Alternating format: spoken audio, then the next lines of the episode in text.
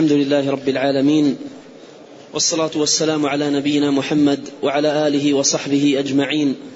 أما بعد فيقول شيخ الإسلام أحمد بن عبد الحليم بن عبد السلام بن تيمية رحمه الله تعالى في العقيدة الواسطية وقوله صلى الله عليه وسلم يضحك الله إلى رجلين يقتل أحدهما الآخر كلاهما يدخل الجنة. متفق عليه.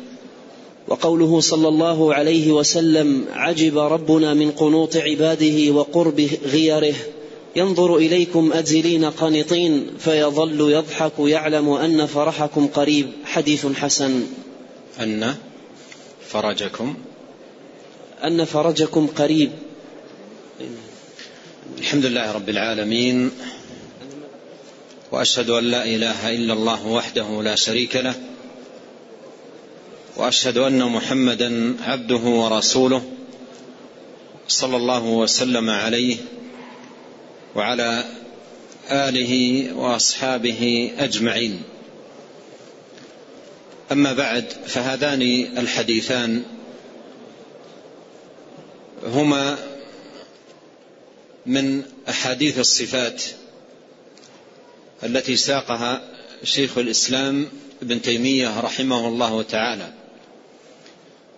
وكان مر معنا الحديث الأول حديث النزول والحديث الثاني فيه إثبات الفرح ثم ساق هذين الحديثين وفيهما إثبات الضحك وإثبات العجب صفتان لله تبارك وتعالى تليقان بجلاله وكماله وعظمته. والواجب على المسلم في صفات الله تبارك وتعالى عامة أن يكون فيها على الجادة جادة السلف رضي الله عنهم وأرضاهم. يمر الصفات كما جاءت ويؤمن بها كما وردت. ويتعامل مع الصفات تعامل الصحابة والتابعين ومن تبعهم بإحسان. وهو التسليم والإيمان والتصديق والإقرار.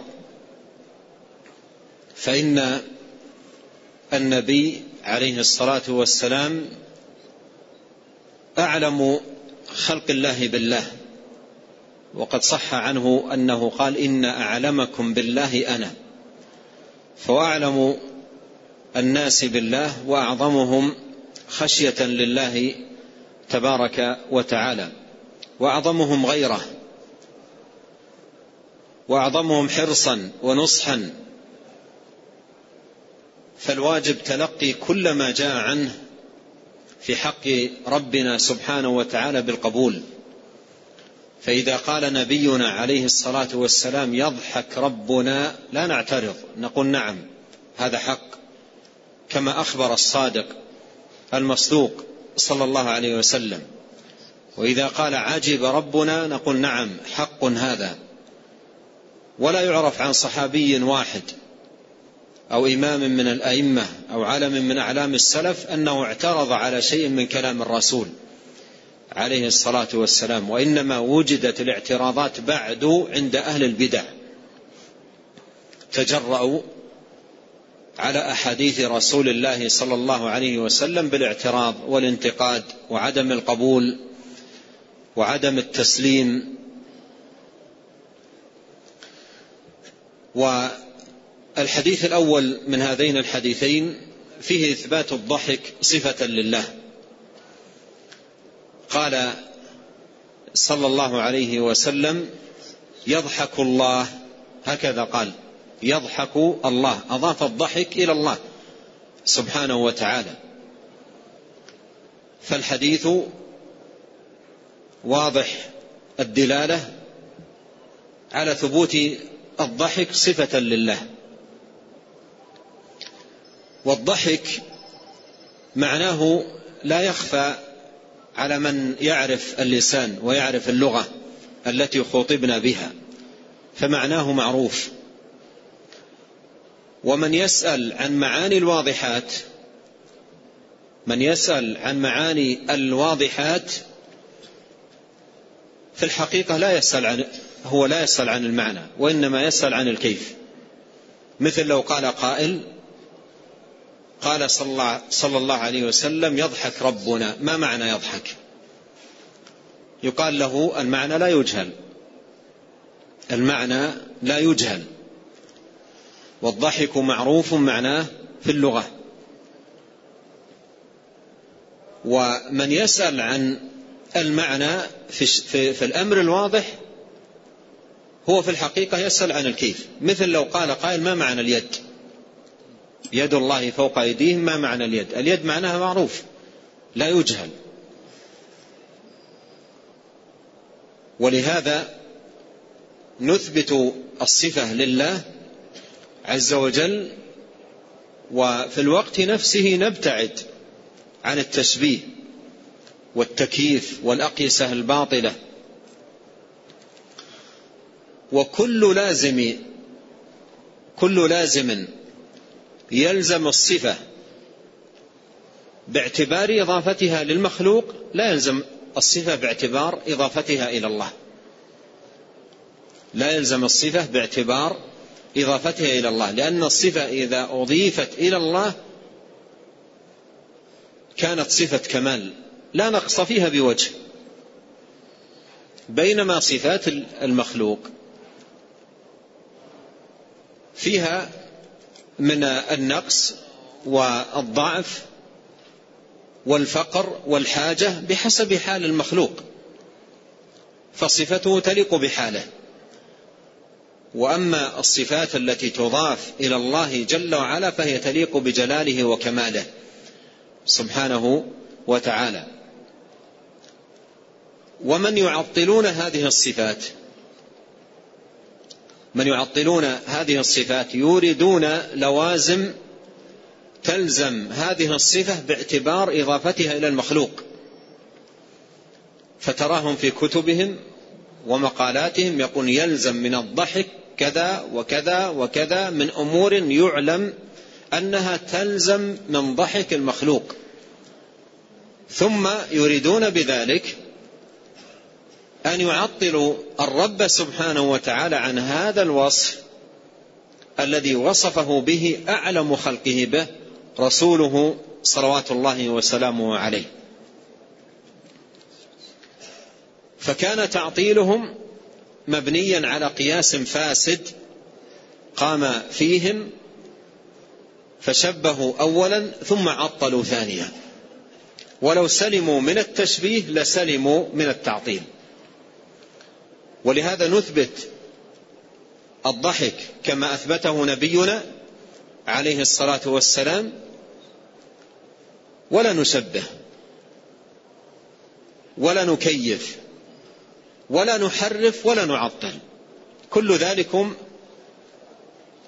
نبتعد عنه ونحذر من الوقوع فيه.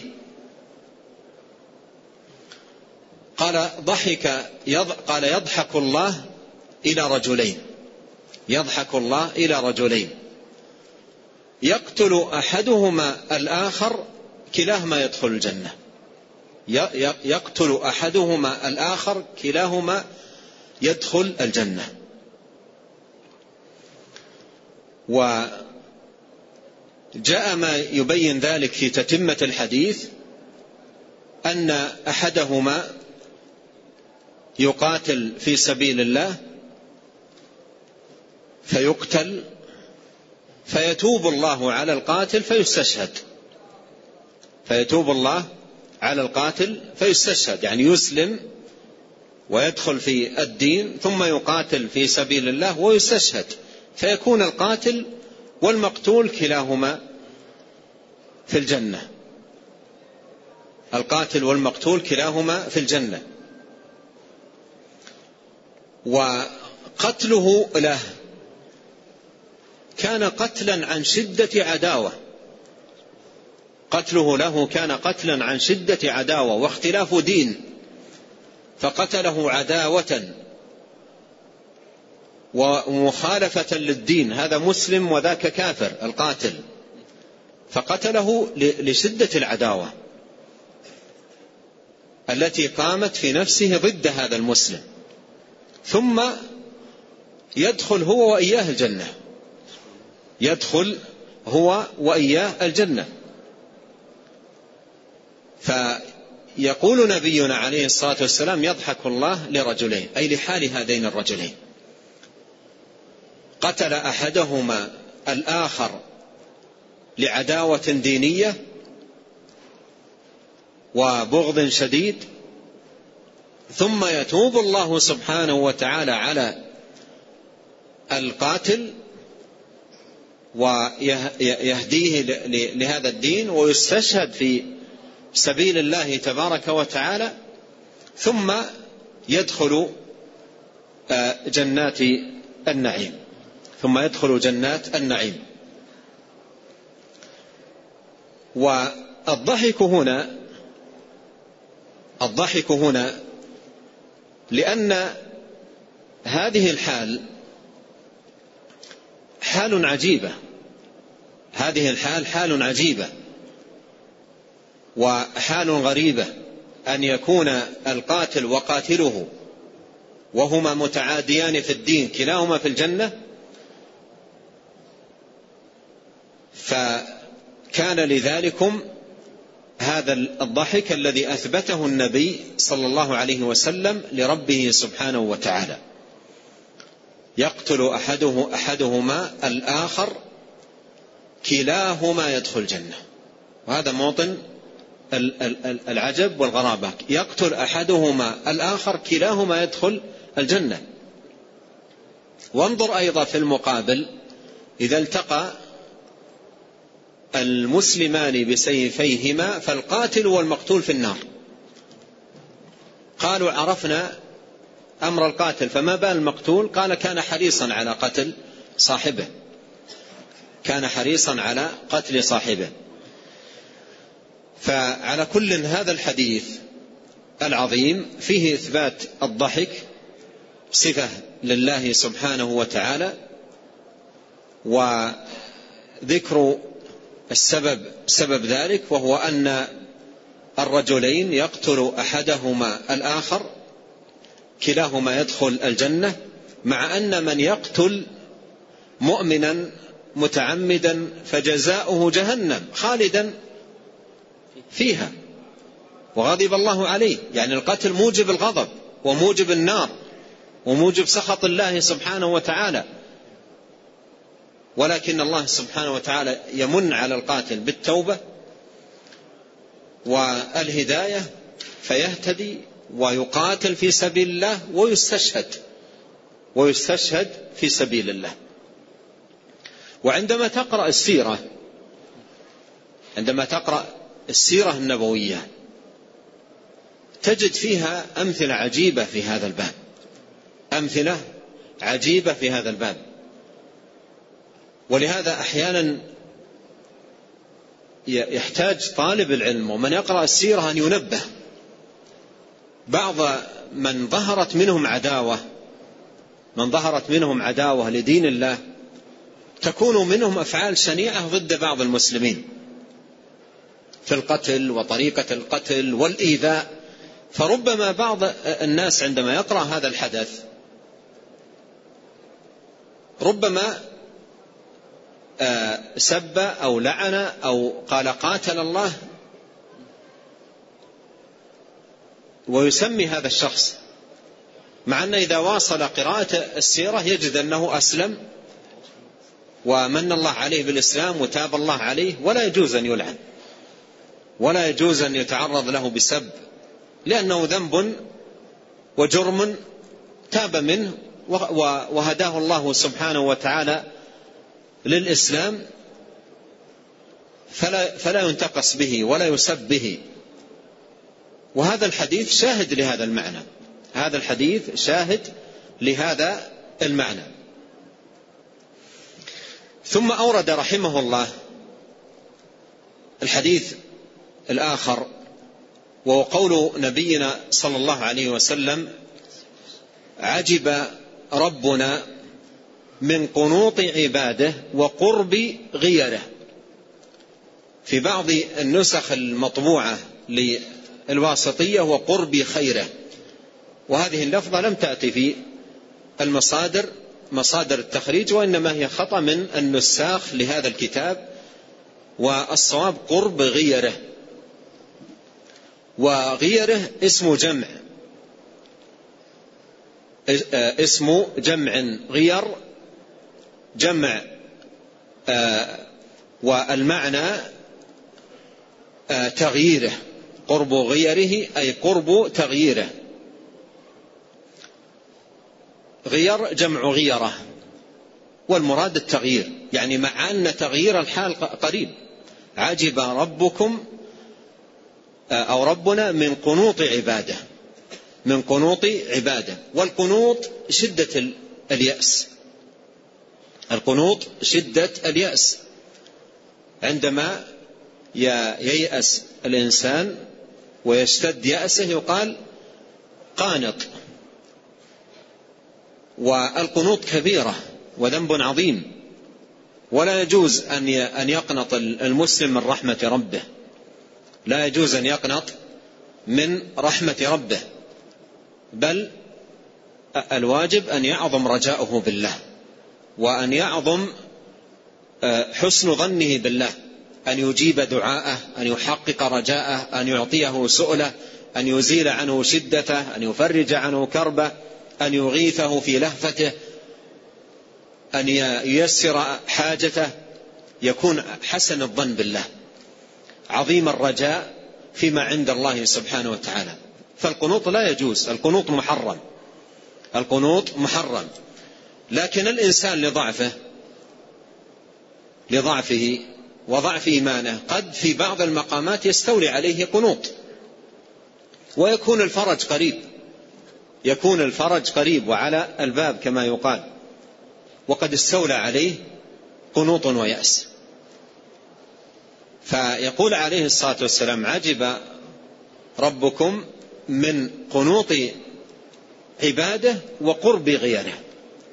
وقرب غيره يعني مع أن تغييره للحال قريب. عجب ربنا من قنوط عباده وقرب. الواو هنا بمعنى مع يعني مع قرب غيره. مع قرب غيره مع قرب تغييره للحال. مع قرب تغييره للحال. ويمر بالإنسان شدائد شدائد عظيمة وكربات ويستولي عليه يأس ثم يأتيه فرج ما خطر منه على بال. ويأتيه تيسير ما دار عنده بخيال. وهذا يمر كثير على الإنسان. فالواجب على العبد أن لا يقنط وأن لا ييأس بل يكون دائما حسن الظن بالله دائما ينتظر الفرج دائما ينتظر التيسير دائما يرجو رحمة الله سبحانه وتعالى. وفي الحديث أنا عند ظن عبدي بي فليظن بالله خيرا ليكن راجيا طامعا. ثم الفرج والتيسير من مقتضى الربوبية. مقتضى ربوبيته سبحانه وتعالى. فهو رب العباد. هو الذي يربيهم بنعمة. هو الذي يولي النعم. وهو الذي يسدي المنن. وهو الذي يتفضل بالعطايا. وهو الذي يفرج الكربات. هذه ربوبيته سبحانه. أما يجيب المضطر إذا دعاه. ويكشف السوء. ويجعلكم خلفاء الأرض. أإله مع الله. فهذا مقتضى ربوبية الله سبحانه وتعالى. وتدبيره لأمر العباد. كل يوم هو في شأن. كل يوم هو في شأن. يفرج كربا يشفي مريضا يقضي دينا ينفس هما يزيل شدة. لله جل شأن الأمر من قبل ومن بعد. وعطاؤه كلام ومنعه كلام. إنما أمره إذا أراد شيئا أن يقول له كن فيكون. ولا يتعاظمه سبحانه وتعالى شيء. لا يتعاظمه حاجة أن يعطيها. ولهذا قال عليه الصلاة والسلام لا يقل أحدكم اللهم اغفر لي إن شئت اللهم ارحمني إن شئت فإن الله لا مكره له. قال فليعظم الرغبة فإن الله لا مكره له. لا يتعاظمه شيء سبحانه. لا يتعاظمه شيء. قد يكون أمر الإنسان يحتاجه فيتعاظم الإنسان لكن ليس على الله عظيم. كل شيء عليه هين سبحانه وتعالى. ما خلقكم ولا بعثكم إلا كنفس واحدة. ما خلقكم ولا بعثكم إلا كنفس واحدة. فليس على الله شيء عظيم سبحانه وتعالى. ولهذا لا ينبغي ولا يجوز للمسلم أن ييأس أو أن يقنط من رحمة الله سبحانه وتعالى. هذا الحديث فيه دواء للقنوط ومعالجة للقنوط وجاء هذا الحديث دواء ومعالجة للقنوط. وأن الواجب على الإنسان أن يستشعر هذا المعنى العظيم الذي ذكره النبي صلى الله عليه وسلم وساقه معالجة ودواء للقنوط. لماذا تقنط ولماذا تيأس؟ وتأمل في هذا الحديث تأملا آه، ينفعك الله سبحانه وتعالى به مهما كانت الشدة التي عند الإنسان مهما كانت الشدة التي عند الإنسان فإن فرج الله قريب. وإذا اشتدت الأمور فرجت ولهذا يقال اشتدي تنفرجي فإن مع العسر يسرا. إن مع العسر يسرا. قال عبد الله بن مسعود أخذا من هذه الآية كما روى أهل التفسير. قال لو دخلت الشدة في جحر لو لو دخلت الشدة في في جحر لدخل عليها اليسر ليستخرجها. لدخل عليها اليسر ليستخرجها. يعني لو دخلت في جحر أو في مكان ضيق والجحر مغلق. وهذا مثال عجيب الجحر مغلق. فقد يدخل إنسان في نفق في أمر يراه مغلقا ما, ما, ما ثمة مخرج. فلما تراءى الجمعان قال أصحاب موسى إن لمدركون أين المخرج؟ البحر أمامنا والعدو خلفنا. أين المخرج؟ هذه شدة. البحر أمامهم. والعدو خلفهم. قالوا إنا لمدركون. قال كلا. إن معي ربي سيهدين. وجاءت هداية الله وتيسيره في الحال أمره الله أن يضرب البحر فانفلق. فكان كل فرق كالطود العظيم. الماء السيال وقف وقوف الجبال. والأرض أصبحت أرضا يبس. ليس فيها زلق ولا وحل ومضى عليه الصلاة والسلام في هذا الطريق. فقد يدخل الإنسان في طرق في أمور في أحوال يرى الطريق مغلق وبعض الناس في مثل هذا المقام يستولي عليه اليأس تماما ويسيطر عليه ويقول ما ثمة طريق. أغلقت الأبواب ما ثمة طريق. وفرج الله له قريب. فرج الله قريب سبحانه وتعالى من قنوط عباده وقرب غيره. وانظر في كلمة قرب. قف عندها. هذا فيه دواء. قرب غيره. وهذه تحرك في القلب الرجاء والطمع وحسن الالتجاء والدعاء والأخذ بالأسباب أسباب التيسير والتوفيق.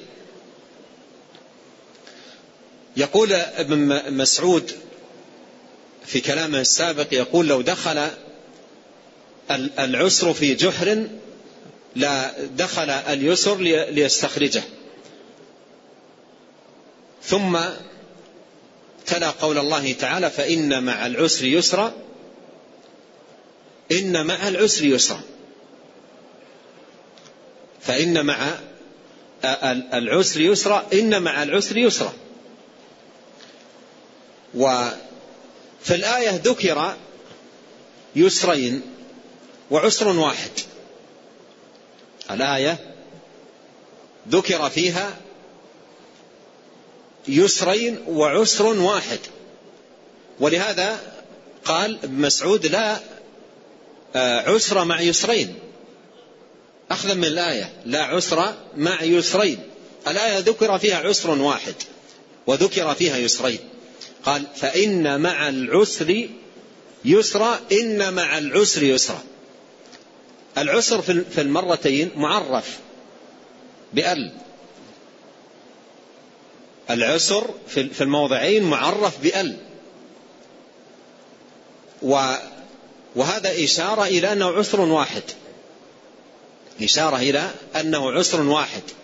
فالعسر الأول هو هو عين العسر الثاني. العسر الأول المذكور في قوله فإن مع العسر يسرا إن مع العسر يسرا هو عين العسر الثاني. لكن اليسر جاء منكرا. قال فإن مع العسر يسرا إن مع العسر يسرا. فتعدد اليسر وتوحد العسر. العسر واحد وذكر معه يسرين. ولهذا لا عسر مع يسرين. لا عسر مع يسرين. ولهذا الآية تعتبر بشارة لأصحاب الشدات والكروبات. الآية بشارة عظيمة لمن أصاب أصابه شدة أصابه كرب آه، استولى عليه قنوط استولى عليه يأس. الآية بشارة عظيمة له. اقرأ الآية وداوي نفسك بها. فإن مع العسر يسرا. إن مع العسر يسرا. فعسر واحد محفوف بيسرين إذا لا عسر. إذا لا عسر. بل فرج وتيسير. والفرج قريب واليسر قريب. فهكذا ينبغي أن يكون المسلم. هكذا ينبغي أن يكون المسلم. يكون متفائل يكون مستبشرا يكون راجيا يكون طامعا يكون مؤملا وأيضا يكون راضيا وحامدا وشاكرا لله سبحانه وتعالى. ولا يقضي الله سبحانه وتعالى لعبده المؤمن قضاء إلا كان خيرا. لا يقضي قضاء إلا كان خيرا لعبده المؤمن. فالشاهد أن هذا الحديث فيه, مداواة للقنوط وفيه بشارة وتسلية وفيه فتح لباب الرجاء والأمل والإقبال على الله سبحانه وتعالى وحسن الالتجاء إليه والطلب منه سبحانه وتعالى قال عجب ربنا من قنوط عباده وقرب غيره. يعني أن تغييره لحالهم قريب. وهذا شامل لكل شدة. ومن ذلكم الشدة التي تكون في جدب الديار وتأخر الأمطار وجفاف الأرض وجفاف الزروع واشتداد الحال. في مثل هذه الحال يصاب بعض الناس بقنوط. وأحيانا يصلون الاستسقاء مرة ومرتين وثلاث ثم بعضهم يستولي عليه القنوط. لو صليت الاستسقاء مرات لا تقنط. لا تقنط. أنت بصلاتك ودعائك وعبوديتك لله سبحانه وتعالى ترجو رحمة الله سبحانه وتعالى وترجو فضل الله وأمل بالله خيرا. وانظر إلى نفسك وتقصيرك وقصورك في الدعاء في الاستغفار في بذل الأسباب. تفقد نفسك وجاهد نفسك على قوة الالتجاء وحسن الالتجاء إلى الله سبحانه وتعالى. ولهذا إذا حصل آه، أن صلى الناس الاستسقاء ولم يتحقق الأمر تعاد وتصلى مرة وثانية ويرجى في كل مرة يرجو الإنسان لكن لا يقنط. ولا ييأس من رحمة الله وفضله ومنه سبحانه وتعالى. لا يستولي عليه القنوط ولا ولا يستولي عليه اليأس بل لا يزال راجيا فيما عند الله سبحانه وتعالى. قال عجب ربنا من قنوط عباده وقرب غيره. ينظر إليكم أزلين قنطين ينظر إليكم أزلين. الأزل الأزل بسكون الزاي الشدة. الأزل بسكون الزال الزاي الشدة. والأزل الأزل هو الذي أصابته الشدة. الأزل هو الذي أصابته الشدة وأصابه الكرب. يقال فلان أزل يعني في شدة في كرب. على وزن كتف أزل على وزن كتف أي أصابه شدة. أصابه أزل أي شدة. أزلين أي في شدة. ينظر إليكم أزلين أي في شدة. تكون مثلا الديار فيها قحط وجدب والزروع فيها جفاف والضروع ضروع بهيمة الأنعام في جفاف بسبب الشدة. أزلين أزلين يعني في في في كرب وفي شدة. قنطين. ينظر إليكم أزلين قنطين. أزلين قنطين هذه حال. هذا بيان للحال. حال من ينظر الله سبحانه وتعالى إليهم. ينظر إليهم وهم على هذه الحال. أزلين يعني في شدة عظيمة في كرب عظيم. قنطين أي أصابهم القنوط. أصابهم القنوط. والقنوط شدة اليأس. أصابهم القنوط القنوط شدة اليأس. استولى عليهم القنوط اشتد الأمر واشتد الكرب عليهم فاستولى عليهم قنوط. أزلين قنطين. فيظل يضحك سبحانه وتعالى. يعلم أن فرجه قريب. فيظل يضحك يعلم أن فرجه قريب. فيظل يضحك بدأ الحديث بقوله عجب. عجب ربنا. والعجب ليس مبنيا عن آه، الجهل بالأمور. لأن انظر في تمام الحديث قال يعلم أن فرجكم قريب. ولهذا يسيء الفهم من يعطل الصفة عندما يقول يلزم من إثبات العجب الجهل بالعواقب والجهل بالأمور. والحديث تمامه فيه رد على هذا اللازم الذي ليس بلازم في حق صفات ربنا الذي أحاط بكل شيء علما سبحانه وتعالى. وهذا يبين لكم هذا الحديث يبين لكم يعني سوء حال من ينفي الصفات بإيراد لوازم ليست لازمة في صفات الله. قد تلزم في صفة المخلوق لكن لا يلزم في صفات الله. ولهذا في تمام الحديث قال يعلم أن فرجكم قريب. يعلم أن فرجكم قريب. إذا هذا العجب ليس سببه عدم العلم بالعواقب. فالله أحاط علما بكل شيء. أحاط علما بكل شيء. لكن العجب باعتبار حال الناس. العجب باعتبار حال الناس. استولى عليهم القنوط استولى عليهم القنوط وهم ليس بينهم وبين الفرج إلا شيء يسير جدا خطوات يسيرة والفرج العظيم أمامهم. الفرج العظيم أمامهم والتيسير الكبير أمامهم. فقال فيظل يضحك. فيظل يضحك يعلم أن فرجكم قريب. يعني أن تيسير الأمر قريب. مثل ما مر في في أول حديث قال وقرب غيره. يعني تغيير الأحوال. فأثبت عليه الصلاة والسلام آه، الضحك في الحديث صفة لله قال فيظل يضحك. وأثبت العجب صفة لله سبحانه وتعالى. راوي الحديث أبو رزين لما سمع النبي صلى الله عليه وسلم يقول ذلك قال أو يضحك ربنا؟ أو يضحك ربنا؟ قال نعم. قال لا عدمنا الخير من رب يضحك. فانظر الفرق بين أهل الإيمان وأهل الكلام الباطل. أهل الإيمان لما ترد عليهم الأحاديث يسلمون ويؤمنون ويستبشرون. ويستبشرون. لا عدمنا الخير من رب يضحك. هذا يقوله هذا الصحابي آمن بهذه الصفة وأثبتها كما أثبتها النبي عليه الصلاة والسلام ورجى خيرا. قال لا عدمنا الخير من رب يضحك. لا عدمنا الخير من رب يضحك. وانظر الفرق بين حال هؤلاء وحال المتأثرين بالطرائق الباطلة. المتأثرين بالطرائق الباطلة. إذا جاء هذا الحديث يضحك ربنا يقف. يقول لا الضحك يلزم منه كذا ويلزم منه كذا. ولو أثبتنا الضحك للزم كذا. ثم النتيجة ينفي الضحك وينفي العجب وينفي الفرح وينفي جميع الصفات التي أثبتها النبي عليه الصلاة والسلام. أبو رزين لما قال أو يضحك ربنا؟ أو يضحك ربنا؟ قال نعم. أو يضحك ربنا؟ قال نعم عليه الصلاة والسلام.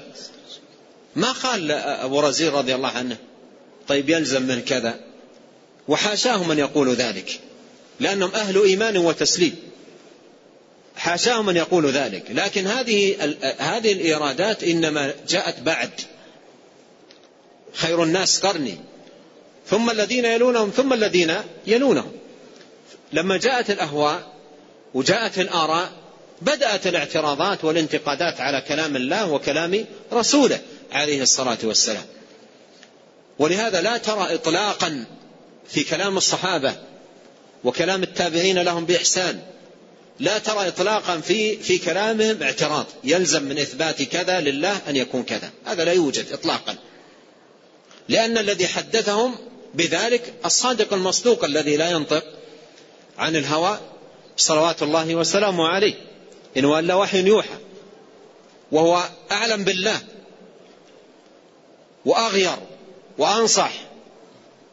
وأفصح وأحرص صلوات الله وسلامه عليه. وقال ذلك الصحابة يعلمون ذلك كله ولهذا تلقوه بالقبول والتسليم. ولم ينقل عن واحد منهم إطلاقا أنه قال يلزم كذا. لكن هذه اللوازم جاءت فيما بعد وبنوا على القول بها إنكار صفات الباري سبحانه وتعالى. أما أبو رزين ومثله بقية الصحابة آمنوا بالصفة واستبشروا وأملوا خيرا. قالوا قال لا لا عدمنا الخير من رب يضحك. يعني لن نفقد لن نفقد. عدم الشيء فقده عدم الشيء فقده. لن نعدم الخير إلا أي لن نفقد خيرا من رب يضحك. وهذا يدل على أنه آمن بالصفة وأثبتها وعلمها و و وأقر بها. وبناء على ذلك قال لا عدمنا الخير من رب يضحك. هذه جادة الصحابة التي يكون التي يجب أن يكون عليها المسلم. وقد قال الله تعالى والسابقون الأولون من المهاجرين والأنصار والذين اتبعوهم بإحسان. والذين اتبعوهم بإحسان. فالواجب أن تكون طريقة المسلم هي طريقة الصحابة رضي الله عنهم وأرضاهم. ثم أيها الإخوة الكرام من لطيف الموافقات وعظيم التوفيق أن هذا الحديث أخذناه هذا اليوم الذي آه، صلينا في في في صبيحته صلاة الاستسقاء. صلينا في صبيحته صلاة الاستسقاء بتوجيه من ولي أمرنا أيده الله وحفظه وجزاه عنا وعن المسلمين خير الجزاء. واجتمعنا لهذه الصلاة العظيمة المباركة التي شرعها الله سبحانه وتعالى لعباده ودعاهم إليها وإلى القيام بها. وهذه الصلاة صلاة عظيمة جدا.